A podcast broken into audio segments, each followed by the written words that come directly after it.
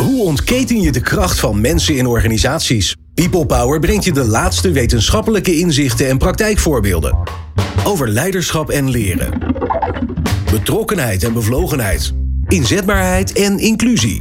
Omdat mensen het verschil maken in jouw organisatie.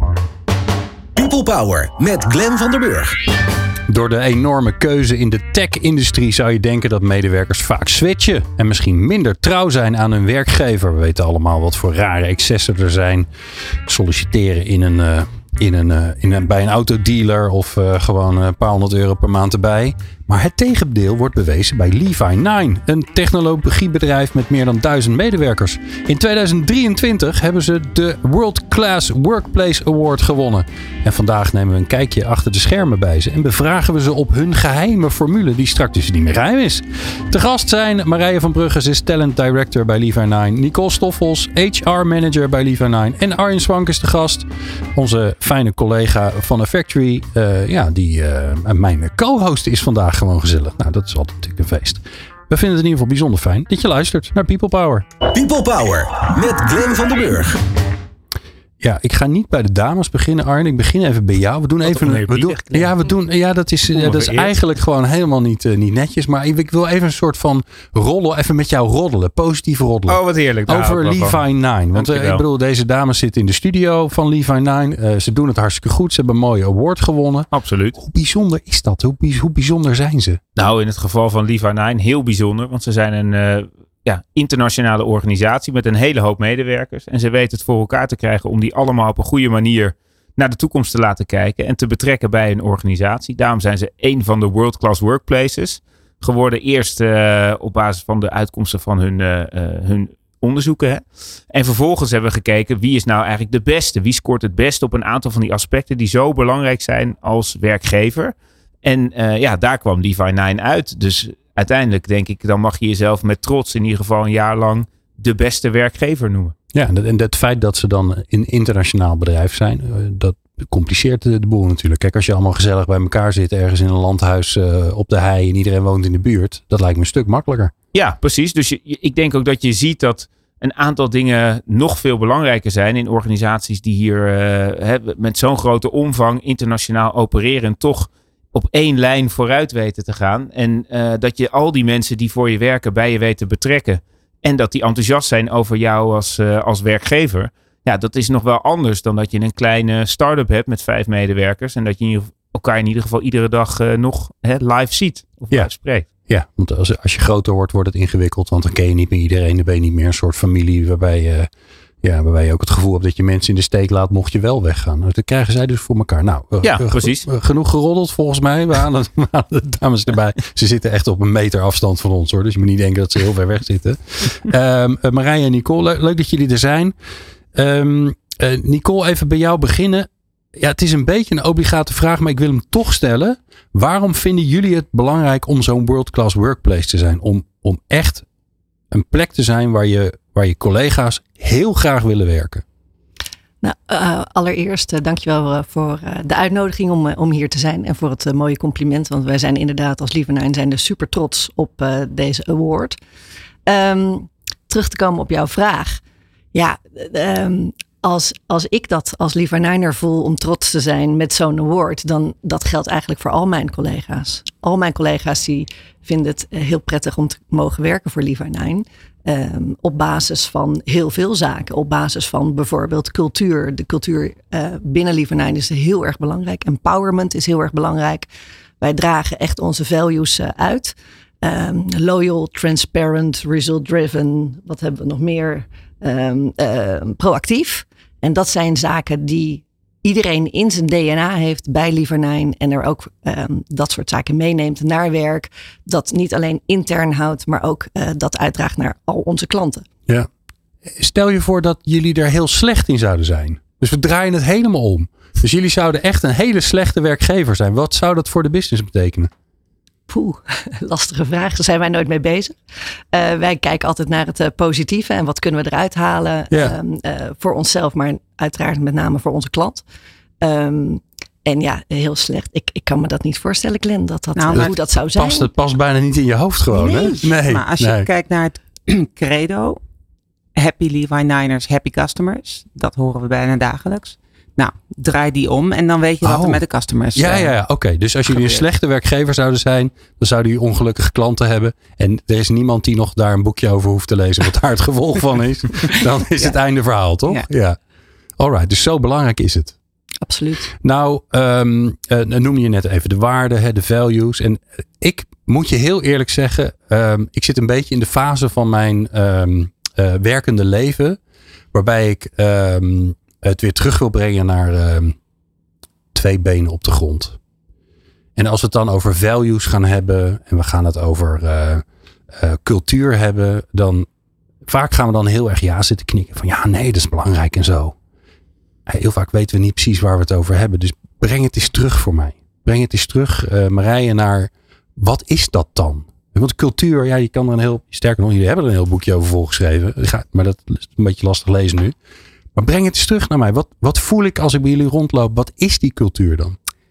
Nou, dat kan ik vrij makkelijk ook persoonlijk maken. Want ik werk nog maar sinds november, sinds 1 november. Oh joh, je bent heel vers. Ik ben heel vers. Ja. Ja. En ik heb daarvoor heel kort eh, deze baan eh, interim eh, gehad. Ik heb heel lang voor mezelf, of heel lang, maar wat is het? Nou, bijna negen jaar. Heb ik als zelfstandige gewerkt. En nou, eigenlijk kijk ik altijd wel, hè, je kijkt altijd wel met de ogen van een nieuwe medewerker of van de medewerker naar een werkomgeving. Eh, dus zo ook bij Nine. En toen deze functie, eh, die was dus vrij. En natuurlijk kijk ik dan ook van, zou ik dit eventueel als interimmer overwegen? Eh, en dat was eigenlijk al vrij snel dat ik dacht, oh ja, maar ze zijn al in gesprek met andere kandidaten. En zou ik het zelf interessant vinden? En het antwoord was eigenlijk op een gegeven moment toen dat ook gevraagd werd. Eh, voor mij vrij snel duidelijk van ja, dat zou ik wel willen. En dat komt, die cultuur, die proef je en voel je. Ik vond het heel wonderlijk. Ik, ik heb het altijd overal eh, naar mijn zin. Ik kan met iedereen overweg. En op de een of andere manier was dit een soort van extra. Hm. Vanaf dag één voelde ik me enorm thuis. En jij dat- bent niet voor niks natuurlijk zelfstandig geworden. Want blijkbaar vind je het ook leuk om na een tijd weer ergens anders heen te gaan. Daar weer een rommeltje aan te treffen. Dingen op te lossen. Ja. En nu, ja, ik bedoel, het is toch een beetje, je Ja. bent van vrijgezel, ben je nu gaan trouwen. ja, zoiets. En dan moet je iemand wel heel leuk vinden. Ja, Toch? Ja. En, maar leg het eens aan mij part, hè? uit. Leg het eens aan mij uit. Stel je voor dat ik dat jullie mij zouden willen hebben. Dat is altijd nog maar de vraag. Nou, maar leg dan eens aan mij, waar kom ik terecht? eh, eh, de inhoud. Dus ik heb natuurlijk een overtuiging dat ik inhoudelijk hè, dit mij een lange tijd van de straat zal houden, om het zo maar te zeggen. Ja. Dus los daarvan, dat, dat is voor mij eh, eh, evident. Maar het gaat om de mensen, om de cultuur, het eh, type mensen. En wat ik vooral heel bijzonder vond, was we hebben in Rotterdam een aantal dagen gehad, strategiedagen, waarbij ook een hele club van collega's uit Servië, Roemenië en Oekraïne aansloot. En de, het grappige is dat je op zo'n moment, je bent met je kleine clubje, want in Amsterdam zijn we maar met iets van 25 tot 28 mensen. Eh, dus dan komen daar, komt daar een enorme groep bij. En het is gewoon voet in één keer is het een groep van Hmm. 60. En iedereen minkelt met elkaar, levelt met elkaar. Het is, ik, ik kan het, vind het moeilijk te duiden, maar het is heel voelbaar. Het is heel voelbaar dat er echt een gedragen cultuur en DNA is over alle landen heen. En ehm, dat is lastig om dat zo grijpbaar te maken zoals jij daar nu naar zoekt. Maar ik denk wel dat het Levi in ieder geval ontzettend goed lukt om op die values, om daar echt mensen op, eh, op aan te nemen. Ja. En het is ook vrij weinig, hè, natuurlijk data- data-driven vanuit de technologie. Eh, maar mensen, hè, het, is een, het is een cultuur van nuchtere, bescheiden. Daar mogen we ons mogen we nog wel eens wat in gaan doen ook. Ik zit, ondertussen, ik zit ondertussen Nicole te kijken. Ja. Je zit alleen maar te knikken. Dus het gaat heel goed. Ja, ja, nou, ja dat nuchter, bescheiden. heel bescheiden. ja, klinkt te- Hollands. Ja, dat klopt. En dat, ehm, nou, ik heb ook het idee dat dat, dat vind je ook terug in de landen. Dus dat Hollandse, maar ik vind het lastig om dat Hollands te noemen, want alsof, eh, alsof wij Ja, dat de meeste doen mensen zitten niet hier, toch? Nee, Die zitten ergens anders. Daarom, Ja. daarom. Ja. Dus zij hebben net zo goed die, eh, hè, die values. Maar dat lukt kennelijk ontzettend goed. En ik heb het in ieder geval vanaf dag één gevoeld. Ja. En, eh, ja, en geen moment getwijfeld Ja. om, eh, om hier dan nou, te gaan trouwen met Levi Nine. Ja, nou gefeliciteerd. Ja, ja, dankjewel. Witte broodsweken zit je nog wel in, maar... Uh, ja, ze mag blijven hoor. gelukkig, ja. ja. Nicole, help eens even nuchter en bescheiden hebben we. Wat, wat voor woorden moeten we daaraan toevoegen waar we een voorstelling bij kunnen maken? Die toch anders... Want het, ik vind altijd het ingewikkelde aan waarde is... Het is heel snel wordt het een dingetje zijn het een paar woorden aan de muur. We hebben een mooie poster gemaakt. We hebben leuke sessies gedaan. Maar als je dan met mensen praat, dan A, weten ze ze vaak niet. Nou, op zich is dat niet erg, want als je ze voelt, hoef je ze niet te weten. Maar als je ze dan herhaalt, dan denk je, ja, dat kan je op elk bedrijf plakken. Toch? Ze zijn overal klantgericht. Ze zijn overal zijn ze flexibel en uh, ja, maar het is dus ook practice what you preach. Ja. Dus je, je, moet ook, je moet het ook doorleven. Je moet het blijven herhalen. Uh, je neemt het mee in de onboarding van nieuwe mensen.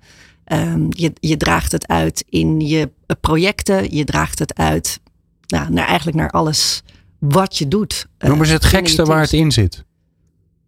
Um, we hebben een uh, DeLorean. Een, um, ja, ja, ik weet wel een DeLorean is. DeLorean Uit Back is. to the Future. Zo'n auto Precies. die prachtig eruit ziet, maar ik ja. nooit reed. Ja, ja, ja nou, die, uh, die hebben wij ook als Liva 9 auto ingezet bij campagnes in, het, in, onze, in Servië, Roemenië en in de Oekraïne. Um, ja, dat zijn natuurlijk wel hele gekke dingen, maar dus het, het uitdragen van wij zijn ook fun. Want fun is ook een van de belangrijke voorwaarden. Uh, of eh, wat we doorleven binnen Livanijn. En binnen onze values, binnen onze strategie. Ja, um, ja fun fuels us. Nou, daar is een DeLorean natuurlijk een prachtig voorbeeld uh, van. En misschien wel een beetje, een beetje gek ook. Een beetje anders. Ja. Maar dat past ons ook wel. Ja, oké. Okay. Dus bescheiden. Uh, soms een beetje te, maar dat is altijd zo met waarde. Hè? Dat, ja, dat is altijd de schaduwkant. Ehm, plezier maken. Heel belangrijk. Ja. Ja, ja met elkaar. Ja, heel hard werken met elkaar, maar ook tijd nemen om je successen te vieren. Ook een van de dingen die voortkomt uh, in de Factory Survey waar we hoog op scoren. Want daar zijn we ook heel goed in, in feesten vieren. Okay. En met elkaar. Um... Wat was het laatste feestje? Of was dat uh, de, de gathering waar, uh, waar Marij het over had? De Grand Prix. Oh, de Grand Prix. Waar zijn die geweest? Welke? Uh, in Zandvoort. Oké. Okay. Ja. Ja, maken we altijd een mooi oranje feest van met uh, liever Niners uh, binnen- en buitenland en klanten en prospects. Ja. Nou, klinkt gezellig. Ik ja. denk, Len, wat, wat nog Jij was erbij natuurlijk. Is. Ik zal jou natuurlijk ook uitgenodigd. Nou, nu ik dit gehoord heb, weet ik waar ik volgend jaar moet zijn. ik moest nog steeds heel erg leuren voor die kaarten. Maar nu uh, heb ik tenminste een ingang. Maar wat ik denk ik wel mooi vind, en dat is wat jullie nog niet benoemd hebben. Maar zorgen, zorg dragen. Als werkgever zorgen voor je mensen. Dat doen jullie ook heel goed. Daar hadden we het net toevallig in het voorgesprek over. En daar zijn jullie te bescheiden in, denk ik. Dat is dan wel terecht dat je dat zegt. Maar over hoe je zorgt voor je mensen. Dus we hadden het onder andere over jullie teams in Oekraïne. Ik weet niet of we nu ruimte hebben om dat kort te benoemen. Maar ik denk wel dat het heel goed is dat je daar ook wat over vertelt. Want dat laat nou echt zien waarom je anders bent dan alleen een werkgever. Kijk, een werkgever kan gewoon zeggen: hé, betaal me mensen. En dan doen die, mijn, doen die werk voor mij. Zo kan je er ook in zitten. Dat is de andere kant, denk ik, dan hoe jullie ernaar kijken. Ja, klopt. Nou, we hebben natuurlijk uh, te maken nog steeds met een oorlogssituatie in de Oekraïne.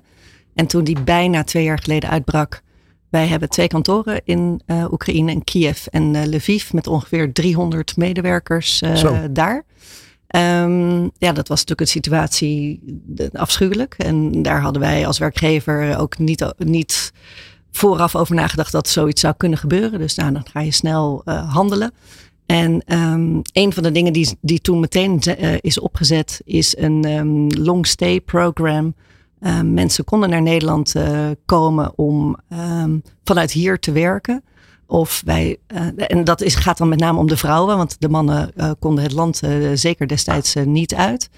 Um, dus familieleden mochten ook naar Nederland komen om, daarvoor zorgden wij huisvesting voor. Uh, wat, wat heel goed en jullie is. zorgen dan inderdaad dat er huisvesting is. Dat, ja. dat is al. En die, maar die mensen moeten ook nog eens een keer deze kant op komen. Wat ook ja. natuurlijk geen eenvoudige nee, taak dat, is. Dat was met name in het begin, uh, na de uitbraak van de oorlog, uh, heel, heel lastig. Ja. dagenlang en heel ellendig voor sommigen. dat gaat inmiddels weer wat beter. Dus we hebben nog steeds het. Um, de gathering waar uh, Marij het over had in Rotterdam, daar waren een aantal Oekraïense collega's. Um, die nu wat eenvoudiger maar nog steeds een hele lange reis is het makkelijker, wat makkelijker de grens over kunnen. En via Polen kunnen doorreizen naar Nederland. Ja. En ehm, we hebben, dus we hebben een longstay program opgezet. Eh, er zijn veel mensen naar Nederland gekomen. Er zijn er ook weer heel veel teruggegaan naar de Oekraïne, omdat ze het toch prettiger vonden om dicht bij familie eh, te zijn. Er is altijd doorgewerkt. Dus ik kan mezelf herinneren dat ik in een call zat met een collega uit de Oekraïne en dat beeld opeens op zwart ging, omdat er dus een alarm afging en Och. zij naar de schuilkelders eh, moesten gaan. En vanuit de schuilkelders gewoon weer laptop open Echt waar, joh? en weer Oh doorgaat. god. Dus de, eh, de- ja, de, de betrokkenheid vanuit eh, de Oekraïne, eh, de Oekraïnse collega's naar ons toe, die is enorm. Want ze vinden het fantastisch dat wij als werkgever hen ook nog steeds ehm, eh, gewoon doorbetalen en hen niet hebben ontslagen. Wat bij veel eh, andere bedrijven in de Oekraïne wel gebeurd is. Ja. Wij, iedereen werkt nog steeds voor, voor 9. En ehm, wij helpen hen daarbij, zoals wij ook familieleden helpen. En ehm, ja, dat nog steeds doen. En eh, probeer daar eens woorden aan te geven. Want ik zie dat dan voor me, dat iemand is aan het werk en dan gaat het, dan gaat het alarm af. En dan moet je naar de schuilkelder. En dan ga je, het eerste of een van de eerste dingen die je dan doet, is dat je gewoon door gaat werken. Wat betekent dat werk dan voor ze? En want je kunt je ook zo goed voorstellen dat je denkt, ja, dat is toch wel het laatste waar je je zorgen over maakt. Met al die ellende om je heen. En toch gaan mensen dan werken. Ik denk dat dat ook heel veel over Levi 9 zegt. Dus Ja. van de- vanuit betrokkenheid het belangrijk vinden om toch dat te blijven doen. En ik denk dat het ook wel een stukje houvast is geweest voor, eh, voor alle collega's. Ja. Ja, Iets normaals nog. Ja. Intussen al die Ja. gekte en ellende. precies. Hoe, hoe ga je daar? Want het, jullie kennen, je zijn verbonden met je collega's natuurlijk, maar ook onderling ben je verbonden met de andere landen. Mensen kennen elkaar. Wat doe je daarvoor? Want ik kan me ook zo goed voorstellen dat je als dat je je ook zorgen maakt over je naaste collega's die bijvoorbeeld wel in Oekraïne zijn gebleven. Maar ja, je weet nooit wat er gebeurt. Hoe zorg je ervoor dat ze, ja, dat ze die zorgen kunnen uiten, dat ze ermee om kunnen gaan, dat ze weten hoe het met mensen is? Het, het gaat allemaal om Oekraïense collega's. Ja. En we hebben ook een Oe- Oekraïense eh, Delivery Center Director. ehm, waar dagelijks contact mee, eh, mee was. En waar ook een, een noodscenario eh, mee besproken is. En binnen de Oekraïne ehm, is, was er een soort van bellijst. Zoals we die van vroeger eh, kenden. Als je ziek was, bijvoorbeeld op de middelbare school. Of zo. Ja, ja ik weet. Ehm, dus iedereen moest zich melden eh, op het moment dat er weer een alarm is afgegaan en, eh, en dat soort zaken. Ja, en betrokkenheid. Er was gewoon elke week een call met elkaar. En, en hoe gaat het? En ze, ze, mochten te pas en te onpas ook bellen of chatten of mailen. Ja. Ehm, zo is er heel nauw contact gebleven al die tijd. Ja. En nu is het ja, bijna, dat klinkt heel naar, maar ja, business as usual. Eh, je leest er wat minder over in, in de, de media. Het is nog steeds een feit natuurlijk. Maar ehm, eh, Maar ook mensen hebben hun leven daar omheen georganiseerd op een of andere zeker. manier. Hoe Ook- vreselijk dat is. ook daar gaat het door. Ook daar zijn de eerste borrels georganiseerd op kantoor. En, en dat soort zaken. Het gaat door. En, Ja. en zij zijn enorm strijdvaardig. En willen ook heel graag doorgaan eh, met hun dagelijkse werk. En, en vrienden ontmoeten, familie eh, ontmoeten, met elkaar eten. En ook werken voor Liva 9. Maar het is ook grappig, want ik merk het ook in de gesprekken met eh, collega's in HR. Het gaat, als je er zelf niet naar vraagt, dan is het helemaal niet voor hun iets waar ze, waar ze, enorm, waar ze over beginnen, bijvoorbeeld. Dus het, ze zijn ook echt aan het werk en gefocust en bezig met de Ja. toekomst van het land en de organisatie daar. Dus ehm, dat, dat heeft natuurlijk andere, een andere nadruk. Want dat gaat over veiligheid. Dat gaat over als er straks collega's terugkomen als veteraan. Moeten we dan ons beleid aanpassen? Moeten we intern iets afspreken over communicatie? Niet iedereen zal het prettig vinden dat je zomaar vragen gaat stellen over wat mensen hebben meegemaakt. Ehm, Want er is- zijn nu ook collega's van jullie die nu niet meer werken, maar die gewoon aan het vechten zijn. Nou, dat hoeft niet per se frontline te zijn. Dus dat kan ook, eh, zeg maar, in de support, eh, noem ik het Ja, ja, even. ja. ja. Ja. Of die zijn aan, op, op cyber aan het helpen. Of het zijn natuurlijk allemaal eh. Ja. technische jongens. Ja. Maar, er zijn er ook een aantal- al. Er zijn er wel een aantal die ook eh, Ja. daadwerkelijk in het leger zitten. Och, en, eh, ja. ja, dan komt het ineens heel dichtbij. Hè? Iets wat, eh, ik bedoel, het is natuurlijk niet ver weg, re- relatief gezien. Maar ja, nog, nog steeds voor ons velen ver weg. Ehm, ja, wat ik mooi en interessant, hoe vreselijk dat ook klinkt. Het is natuurlijk wel ook het moment als zoiets vreselijks gebeurt en zoiets heftigs gebeurt, wat nog nooit iemand heeft meegemaakt. Dan, ja, dan kun je wel laten zien dat al die mooie woorden en dat al die dingen die je opgeschreven hebt en al die dingen die je eigenlijk ook voelt als je er bent, hè, wat jij mooi vertelde Marij, dat het ook echt zo is. Hè? Dus het is ook natuurlijk een enorm bewijs uh, dat het klopt bij jullie. Klopt. Nou, daar gaan we zo over verder praten. Um, en dan ben ik wel benieuwd um, of wij dat er een beetje kunnen jatten van Levi Nine als, uh, als luisteraars. Nou, er zijn vast wel dingen die je een beetje kan uh, kopiëren en een beetje kan aanpassen. En dat hoor je zo. Hoe ontketen je de kracht van mensen in organisaties? People Power. People Power. Te gast hebben wij uh, twee bijzonder leuke mensen van Levi Nine. Marijn van Brugge en Nicole Stoffels. Die zich allebei op het HR-vlak bezighouden. Allebei net weer even anders. Maar daar, uh, hebben we het vast nog wel over. En Arjen Swank is de gast van de Factory. Of de gast. Ja, je bent eigenlijk niet meer te gast toch Arjen? Nee, vaste klant. Nee. De uitdaging bij dit soort bedrijven altijd, Arjen, en dan gaan we toch weer even samen roddelen, ja, uh, is uh, dit, vaak is wat ze doen zo gewoon dat het lastig is om erachter te komen wat ze nou precies doen. Ja, Toch? dan moet je heel erg uh, goede vragen stellen. ja. ja, nou, dus dat gaan wij doen. Maar jij, gaan, me, jij gaat me wel helpen. Ja. We gaan, jij gaat me wel helpen. Uh, ja. Misschien is het wel goed, Glenn, om heel even te verduidelijken. Hebben. Dus even dat World Class Workplace. Dus ja. waar kijken we dan naar? Want hè, dat gaat niet alleen over de werkgever. Dat gaat ook over engagement van de mensen zelf. Dus wat maakt nou dat mensen zo bevlogen en betrokken zijn in hun werk? En uh, er zijn ook mensen die zijn heel bevlogen. Uh, he, denk aan ZZP'ers, zonder dat ze een werkgever hebben. Dus he, bevlogenheid ja. komt ook uit jezelf, uit intrinsieke motivatie. Wat doe je dan? Wat is dan het werk wat je moet vervullen? Ja, precies wat Marije net zei. Hè? Die zei, nou, ja. ik, ik, kijk eer, ik kijk natuurlijk ook van, kan ik nog, heb ik, heb ik nog voldoende te doen? Kan ik me nog uh, voldoende leuke dingen doen? Dat is eigenlijk bevlogenheid. Ja, vind ik dit nog, ja. ja. draagt dit nog bij, ook voor mijn eigen ontwikkeling. En dat vinden, willen mensen ook graag. Als persoon wil je ook ontwikkelen, persoonlijk en professioneel.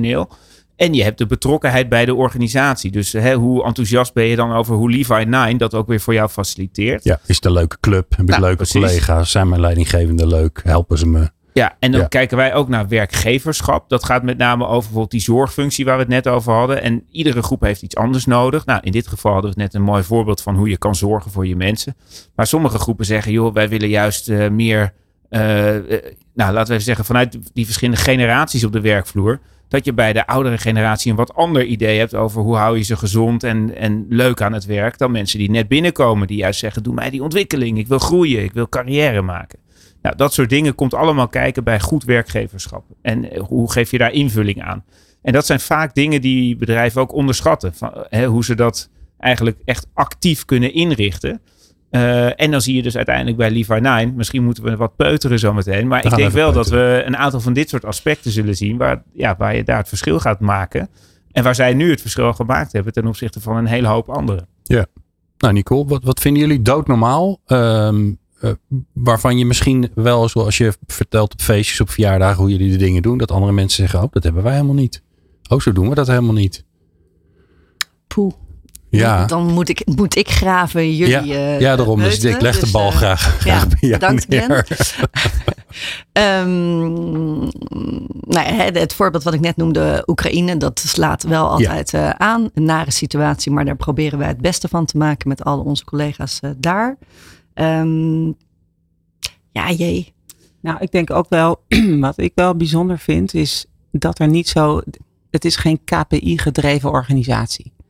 Dus uh, mensen, medewerkers, krijgen geen KPI's. Waaraan, dus dat vind ik al wel bijzonder. Dus als je met, uh, nou, met, met, met mensen uit leadership of zo praat, dan hoor je eigenlijk meteen uh, geen, uh, geen cijfers. We gaan even niet over KPI's. We gaan het hebben over hoe we het gaan doen, met wie we het gaan doen. Dus over de mensen. En dat zijn allemaal die hm. super. De mensen nou, en de inhoud, hoor ik eigenlijk zeggen. Toch? Nou ja, de, de mensen de route. En, de route. En wat, dit is het ja, speelveld. Wat we aan het doen zijn. Uh, dit is ongeveer het spel wat we gaan spelen. Hoe je het gaat spelen, speel je het. Hm. En, dat, en dat ook samen met de klant weer. Dus dat kunnen wij besluiten. Uh, maar vervolgens wordt dit ook zo bij de klant neergelegd. Daar zijn we ook heel open en transparant naar hen toe. Ja, en welke rol speelt die klant dan? Het is ehm, eh, jullie zijn met eh, iets van 1400 mensen, zeg ik even een beetje uit mijn hoofd. Ja, iets minder. Iets Ja. minder. Nou, ik, denk, 1200 zeg maar. Ja. ik denk, ik geef jullie even een, eh, een beetje een push. eh. Je zijn enorm aan het werven nog. Gaat supergoed. Heel bescheiden toch? Zijn Ja, ze? weer. Heel weer nee hoor, nee hoor. Het zijn er nee, het zijn echt 1233. Under promise, Eh. Ja, precies.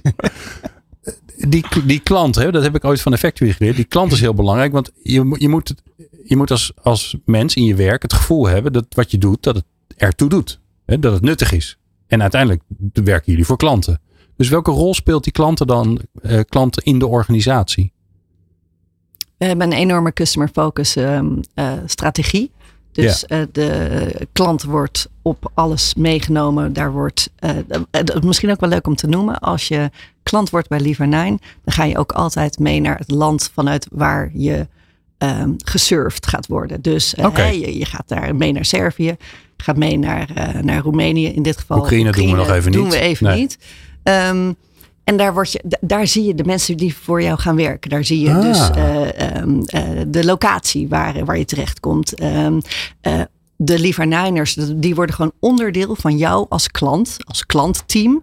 Die hebben dagelijks contact met elkaar. Dat gaat 9 van de 10 keer via de chat of, of op een andere manier.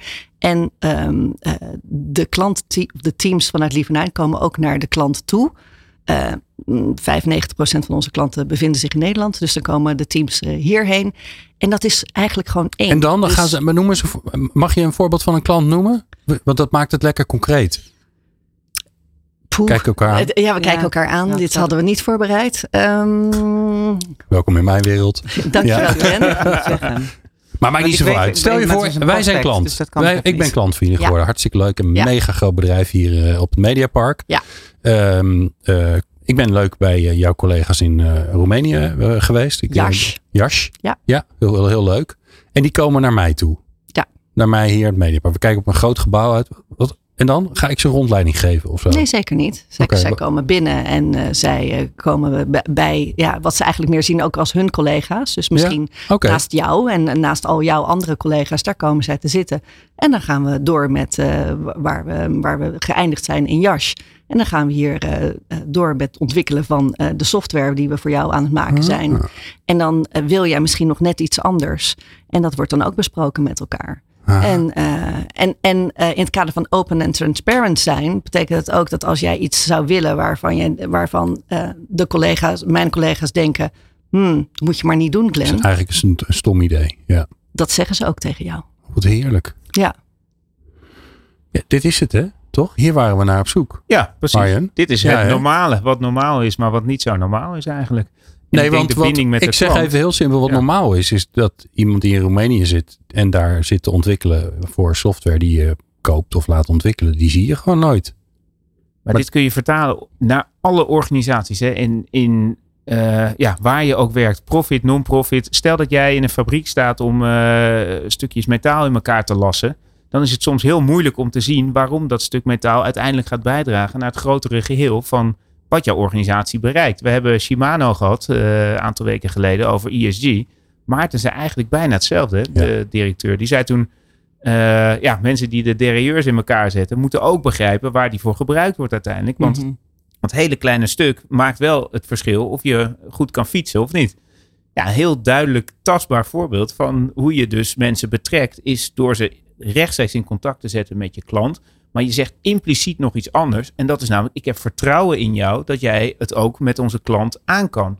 En dat vertrouwen straal je dus uit, want je zet ze naast elkaar. Ja, je kan niet alles managen. Je, hè, dat gaat geen manager, gaat het voor elkaar krijgen. Dus je zegt eigenlijk, joh, wij, wij vertrouwen erop. We hebben jou geonboard in onze Levi 9 cultuur. En eh, ja, nu eh, doe maar alsof het Doe je, je eigen ding. bedrijf is, zeg maar. Ja. Nou, dat vertrouwen, dat, kan je, eh, dat, dat kun je meten, uiteraard. Maar dit is bijna niet in, in cijfers uit te drukken hoeveel je hier meegeeft eigenlijk. Nee, en daar hebben ze toch geen KPI's op je. Dus Nee, dat maakt dus niet dat uit. is lekker. Nee, Geen. KPI's. En toch Nee. hele goede surveyresultaten, goede Giarte-resultaten. Dus, eh, en dat zonder KPI's.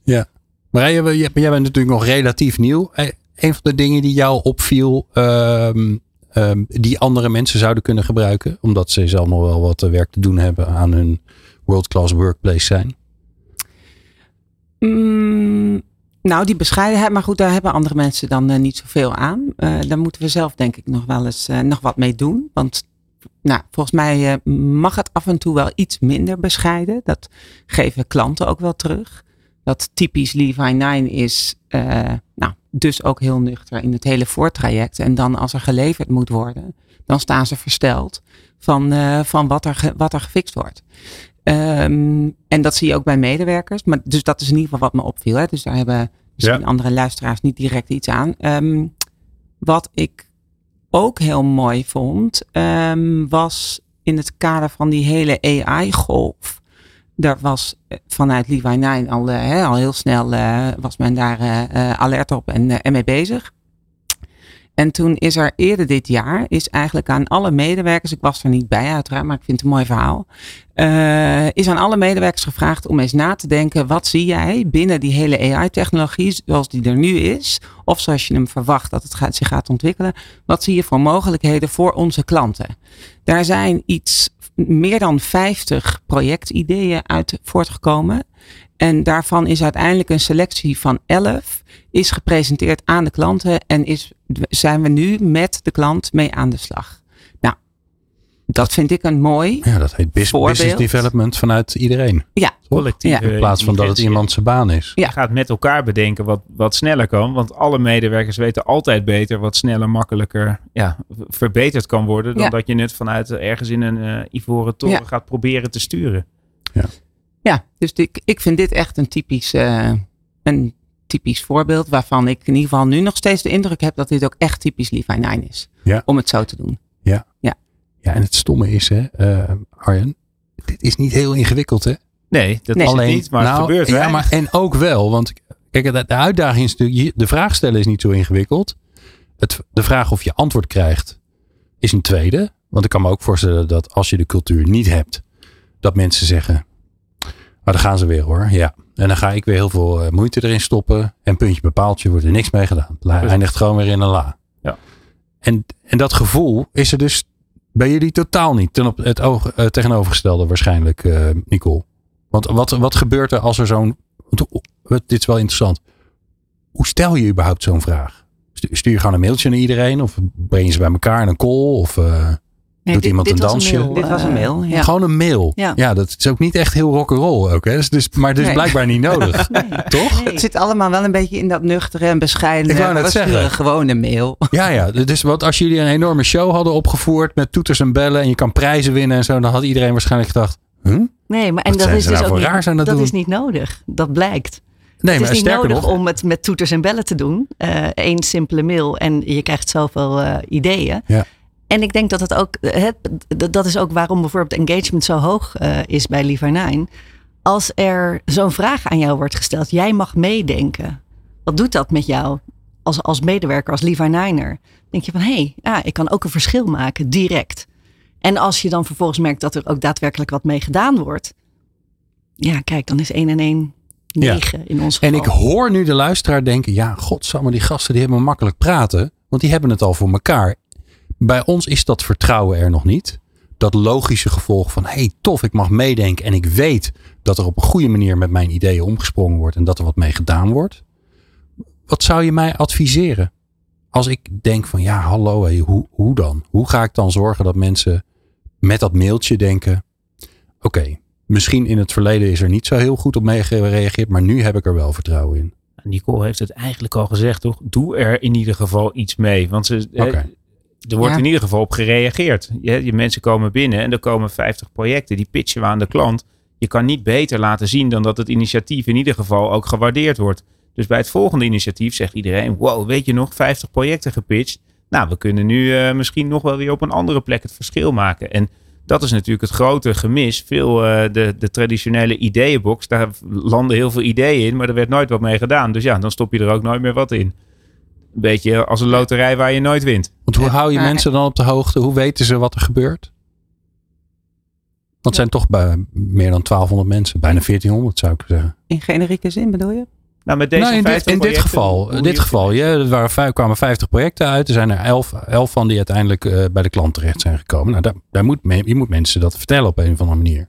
Ja, dat antwoord moet ik je even schuldig eh blijven. Hoe precies die hele follow-up eh, is gegaan. Ik weet wel dat die, dus die, er wordt nu binnen die klantteams met die ideeën, samen met de klant, wordt aan die ideeën gewerkt. Ja, ik zie Nicole uh, knikken. Jij weet het ook niet precies. Het gebeurt ik weet, gewoon. Ik weet het ook niet precies. Ik kan wel, een, ik kan wel een teken, bruggetje maken naar Ja, bruggetje. uh, de Factory Survey van vorig jaar. Ja. Um, waar uh, behalve dat het uh, heel positief, et cetera, was, waren er natuurlijk ook nog een aantal puntjes waar we op konden verbeteren. En um, uh, daar zijn wij binnen Amsterdam met name, uh, waar ik wat meer over kan praten dan over het internationale stuk binnen Lievernijn, zijn we wel mee aan de slag gegaan. Um, alleen we kregen, en dat is misschien ook wel weer vanuit bescheidenheid, dan, dan ver, verbeter je een aantal dingen, die communiceer je ook. Uh, weet je, we hebben diverse uh, momenten waarin we dat kunnen communiceren met onze uh, Amsterdamse collega's. Mhm. Maar um, als je dan niet de link legt tussen we verbeteren dit of we veranderen dit naar aanleiding van jullie stem in de survey, um, dan, wordt dat, dan, dan gaat dat knopje niet om, zeg maar. Dus dan kan je hem bij wijze van spreken daarna nog een keer in een survey plaatsen. En dan zou je er bij wijze van spreken weer wat minder goed op kunnen scoren, terwijl het wel is aangepast. Ja, ja, ja. ja, ja. Dus je moet ook duidelijk aangeven, we hebben naar jullie geluisterd. En dit is wat we gedaan hebben. Precies. Dus in communicatie, ja. dat is in ieder geval een, uh, een les die Marije en ik uh, uh, hieruit hebben getrokken. In communicatie kan je daarin heel veel doen. Ja, ja en dat, dat valt. Het stomme is, hè, dat blijf ik toch altijd. Bedoel, dit is 500, weet ik hoeveel. uh, aflevering nummer 500, weet ik veel. En ik krijg elke keer komen er dit soort dingen uit. Dat ik denk, ja. Maar is ook echt zo. Wat, als er iets Ja. misgaat, als er dingen misgaan in een organisatie. Ik kan niet veel voorbeelden noemen waarbij het niet aan communicatie heeft gelegen. Nee, toch? Nee. Nee. Nee. Dus Ja. eigenlijk zouden wij allemaal Aannemen van dat mensen communicatie ervan moeten uitgaan dat mensen iets begrijpen. Of ervan uitgaan dat mensen de connectie met, eh, met de oorzaak eh, zelf wel leggen. Ja. Dus net even dat stukje erachteraan. Ja. Eh, zonder dat dat. Ja, het, ik denk dat het voor heel veel mensen een beetje overbodig voelt of zo. Van nou, dit hebben we gedaan en nee, ja, het is gefixt. Hup, on to the next. Ja. Ja, en dit, dit voorbeeld is specifiek zo interessant omdat je. Het is het, je doet hetzelfde. Je lost namelijk iets op. Het enige verschil wat je. Je zegt, je zegt ook nog dat je het gedaan hebt. Het enige verschil is dat je zegt. Omdat jullie dat eh, Mm. doorgegeven hebben, zijn we dit gaan doen. Exact. In plaats van dat je zegt, hé, hey, we hebben dit, dit verbeterd. En, en dat maakt dus een wereld van verschil. Dus het zit in dit soort subtiliteiten Nuances, ja. Waardoor je of aan het bouwen bent aan je cultuur. Van hé, hey, wij luisteren naar je. We doen iets met jouw feedback, met je opmerkingen. Dat wordt maar gelijk even te voorkomen. Ehm, in plaats van we doen maar wat. Grappig hè? Ja, en je medewerkers weten natuurlijk onderling ook wel een hele hoop. Dat moeten we ook niet vergeten. Kijk, als die, de ondersteuning die jullie in, eh, in Oekraïne hebben geboden, wordt natuurlijk wel gecommuniceerd, ook onderling met de collega's daar. Dus dat hoef je ook weer niet zo breed uit te lichten van, nou kijk ons eens even op de rug kloppen, want dan wordt het een soort van hè, eh, show. Da- En dat werkt niet. Dat is niet eh, origineel. Ja, Het past in ieder geval niet bij deze bescheiden organisatie. Nee, dus zeker ook niet. Wel, er zit wel een balans tussen wat licht je uit. Hè, waar kun Ja. je echt enorm de spotlight op zetten. Eh, en en wanneer, is het, wanneer is het gewoon goed omdat je een goede werkgever bent. Zeg maar. en, en volgens mij zoeken mensen ook een beetje naar wat echt is. Hè, wat is nou oprecht en wat is gewoon voor de bühne. En als je initiatieven lanceert op basis van je survey, dan moet het er wel toe doen voor de hele groep. En dan heeft het niet zoveel zin om twee dingen uit te lichten. En dan enorm van de daken te gaan roepen dat dat hetgene was waar iedereen op zat te wachten. Want dan krijg je hem altijd terug. Als, als boemerang in je Mm. volgende moment. eh, Ja. ja. krijg je hem weer op je neus, zeg maar. Wat hebben jullie nog te doen? Wat, wat staat er nog op jullie lijstje? Want je bent nooit klaar natuurlijk. Anders dan zou je le- saaie banen hebben.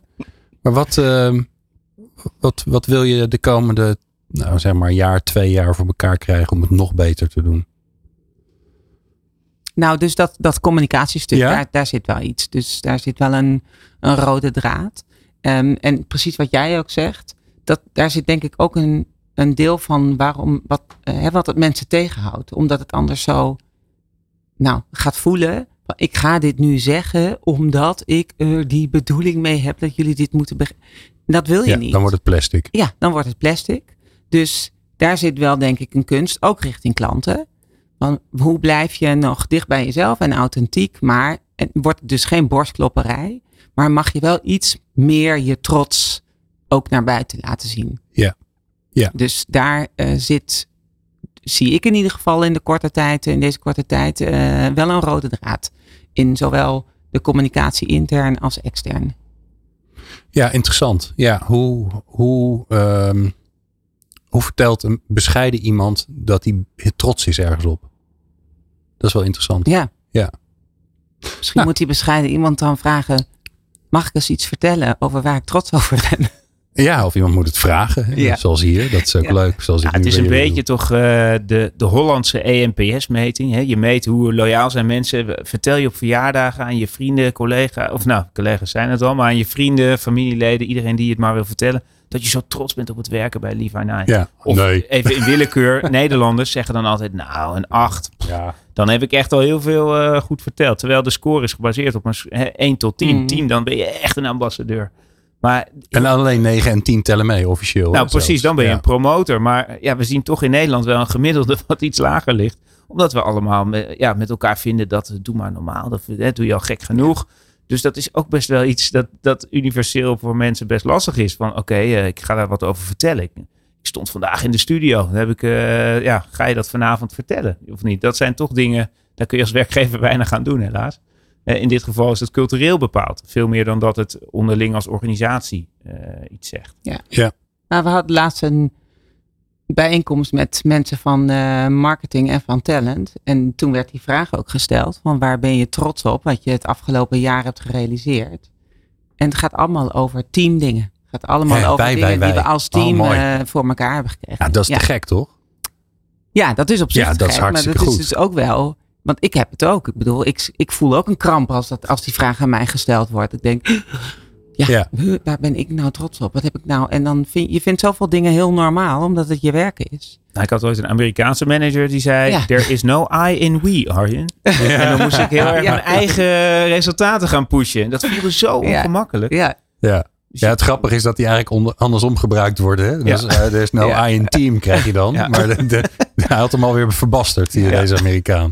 Ja, nou ja, de grap is natuurlijk dat daar juist de kracht, in dat, in dat collectieve zit juist de kracht. mhm.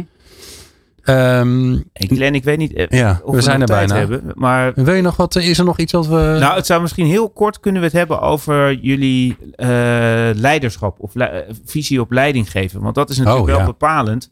Ook voor het succes. Kijk, eh, de World Class Workplaces onderscheiden zich ook in een inspirerend leiderschap vaak.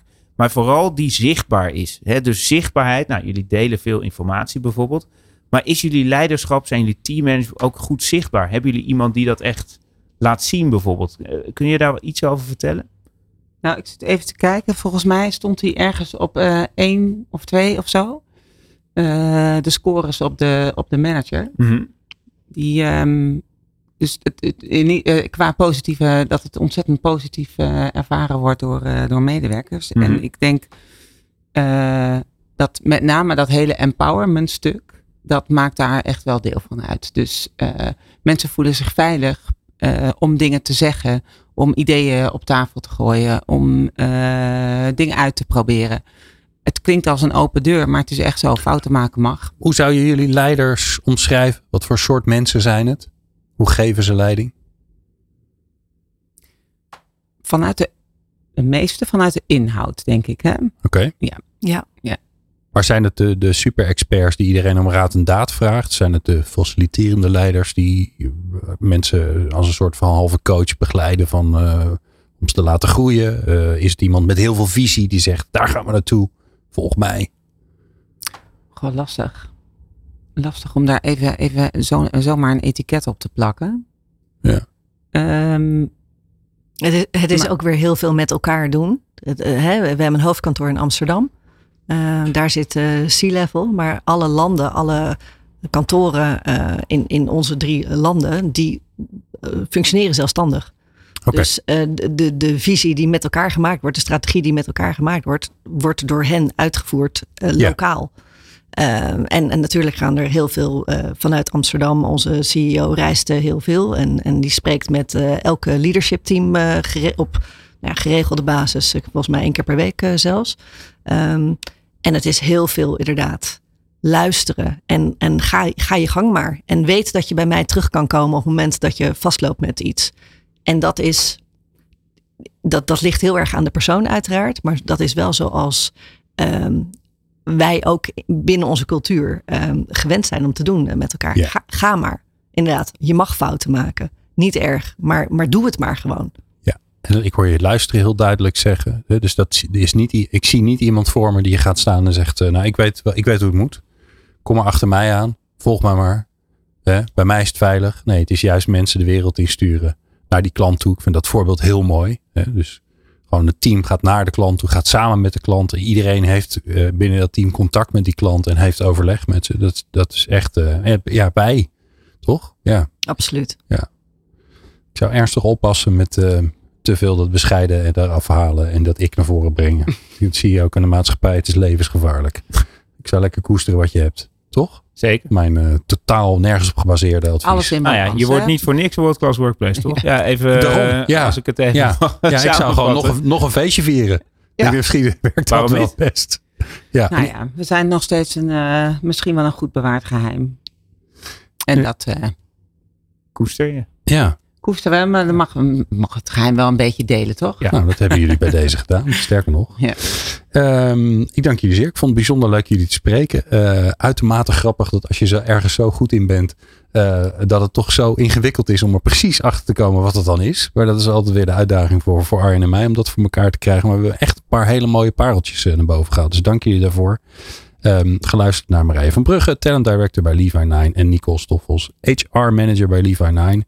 Uh, we doen wel een linkje in de show notes naar de website van Levi Nine. Of de werken bij hebben jullie waarschijnlijk ook wel. Maar dan in het Engels, denk ik. Want ja, zoveel zitten er niet in Nederland. En je hebt natuurlijk geluisterd naar mijn fijne uh, nou, collega, zou ik toch al wel ondertussen zitten. Wij hebben dat nou, ze toch wel weer erg leuk, gedaan, Arjen. Vind ik ook. Hartstikke bedankt. Arjen Zwank heb je gehoord van de Factory. Jij dankjewel voor het luisteren en eh, tot de volgende keer. Dankjewel. Meer luisteren? Ga naar peoplepower.radio en abonneer je op onze podcast.